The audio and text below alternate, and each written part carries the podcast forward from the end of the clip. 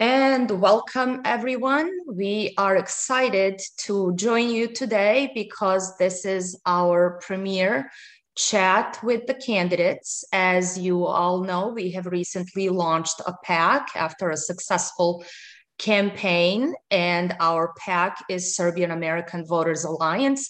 In partnership with Serbian Radio Chicago, we are in fact going to be scouting for wonderful candidates that are running for political offices around the country.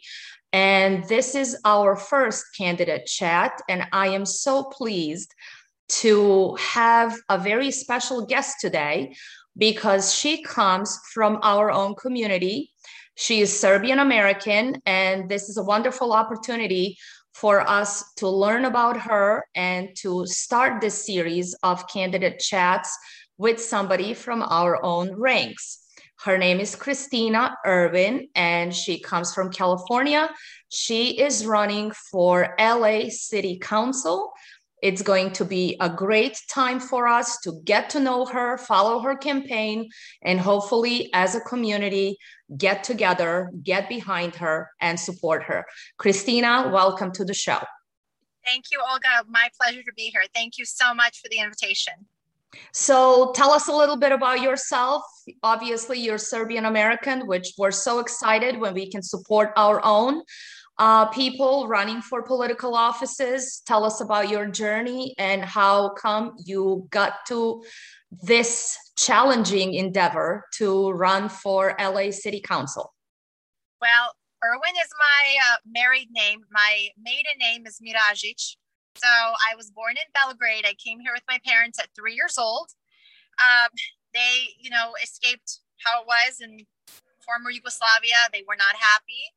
They came here. They had to relearn everything, the the language.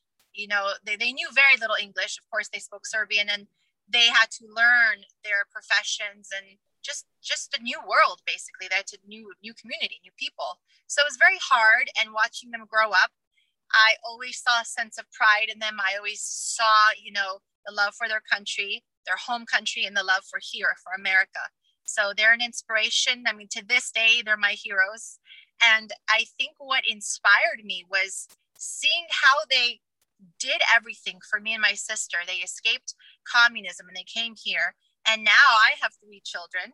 And seeing how things are getting pretty bad, very bad here in, in America, in California, where I am, that inspired me to run because I want to do this for not only for my children, but for their children, for our communities. This is this is something important, and I feel that I'm the right person to step up.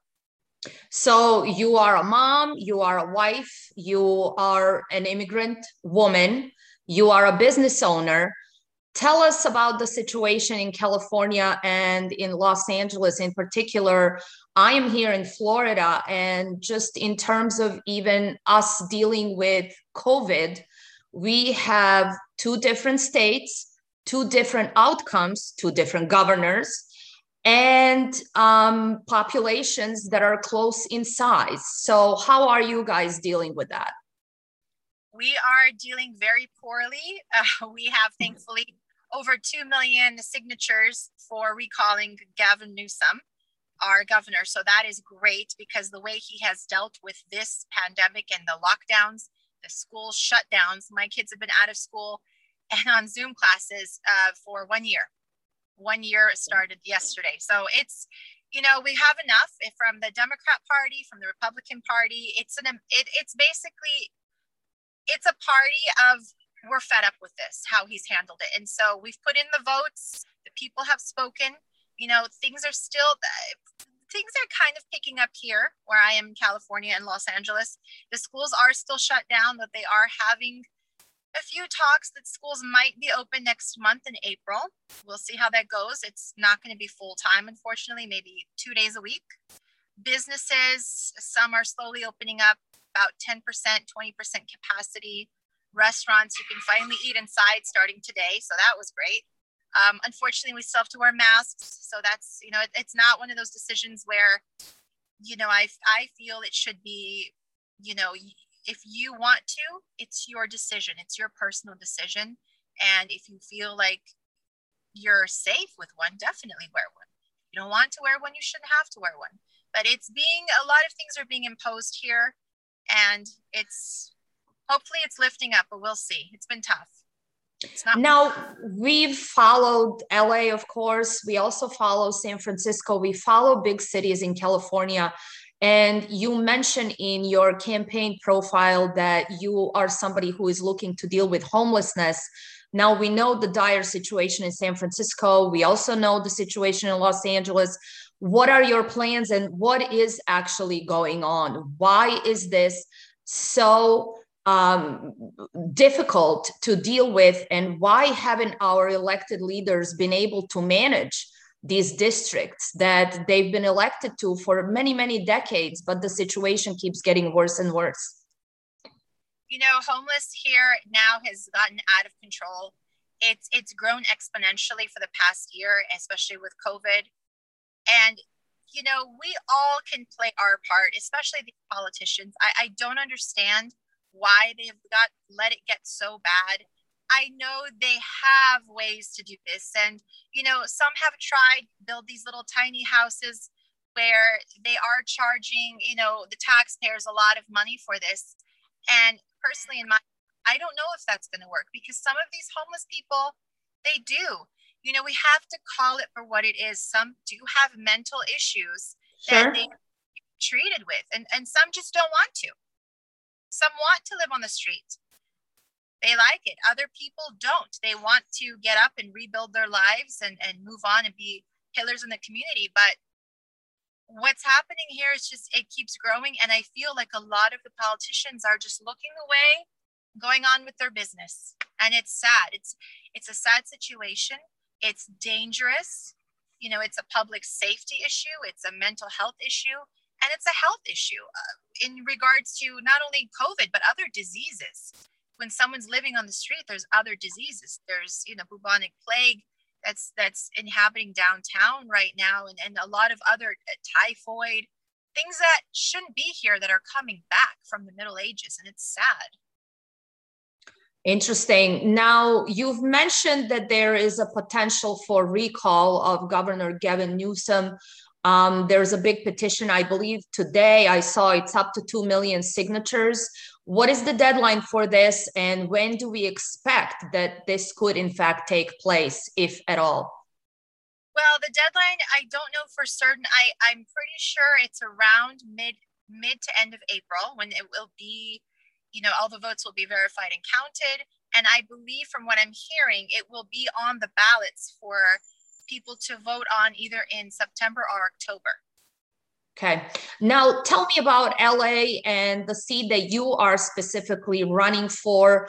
What is the candidate landscape looking like? Who are you up against? And what are the concrete things that you are looking for, especially from our own community? Serbian Americans are, in fact, um, central to that Los Angeles area. And I feel that we can get a lot of traction and get you some support. So, what are we up against? That would be great. Uh, well, what we're up against, basically, what I'm dealing with in District 5, Los Angeles District 5, is the same story. And if people want the same, you know, then I'm not your person. I'm not your candidate. I'm here to make a change. I'm here to I'm not here to end homelessness. That's going to take many years and many that's that's my goal, but that will take a lot of time. I'm here to stop wasting our money as taxpayers. I'm here to help the homeless, to do something for them, not just throw money at them and give them tents and shelters. I, I want to help them, you know, whether it's vocational school or triage, that is my goal. So I'm here to make a change and make a difference the community I have in District 5 is parts of, uh, it goes all the way Encino and then it skips some. So it covers uh, Pico Robertson area, it covers Hollywood, it covers Bel Air, Century City, uh, Melrose. It's very strange the way the district has mapped itself, but uh, it skips a few and goes on. But that's basically the areas I cover. It's very big. District 5. Okay. And what are your thoughts in terms of other candidates? Who are you up against? Have they announced yet? Uh, there's about five running. And, um, you know, they're basically, I want to say career politicians. They're running on this same platform that we've seen today. You know, Paul Koretz is being termed out, and I'm hoping to take his seat. Like I said, I'm here to make a change. This is not a Democrat thing. This is not a Republican thing. This is our community. Our community matters. It's not okay to have the homeless infiltrate the parks where our kids go to school. It's not safe for our kids. It's not safe for adults. It's not safe for the homeless. You know, there's understood. Like public safety, there it's mental health, all these things. And they're running on the same campaign of, you know, do everything the same. Now, talk about as a business owner, of course, and as a woman, how has this past year affected businesses precisely in your area? Because you mentioning the areas that you are covering, I'm assuming there's a lot of people there who can handle it. Uh, we're talking about some very affluent communities there, but elsewhere, people are struggling. So, how has your economy handled this situation? And are people truly feeling it? in those areas or they are still imposing certain restrictions on small business owners and meanwhile they have the means to in fact carry this for a long time? Uh, not necessarily. I mean, the restrictions are still there. There are some people that have poured their savings and their heart and their souls into their businesses, and they're just business rich. They, you know, some still live in modest houses or apartments, but their business is their livelihood. And when that's taken away by all these restrictions and lockdowns, they can't do much. A lots, lots of businesses here in LA have closed I mean, sure, it's an affluential area, but also you have to understand the the businesses. It doesn't matter if they're in Beverly Hills, if they're in Century City, they still, you know, every business is essential. Every person is essential, and you know they need to open this up. There, with all these restrictions, people, it's hard. It's hard to pull your kids out of LAUSD, you know, and get them into private schools while also your business is shut down while also your restaurant has these restrictions when you know people are afraid to to go to a hair salon lots of business you know people that i know own salons and they can't even it, it's very difficult. They're struggling. They're sure. now, talk to me about one final issue, and we have seen this across the country, and of course, LA is an epicenter of it often. Um, there's been calls for defunding the police. Now, I understand this is also a state's issue, but it also becomes a city issue. How has LA dealt with this? I mean, we have seen some protests in the past year. We all have witnessed what's been going on around the cities.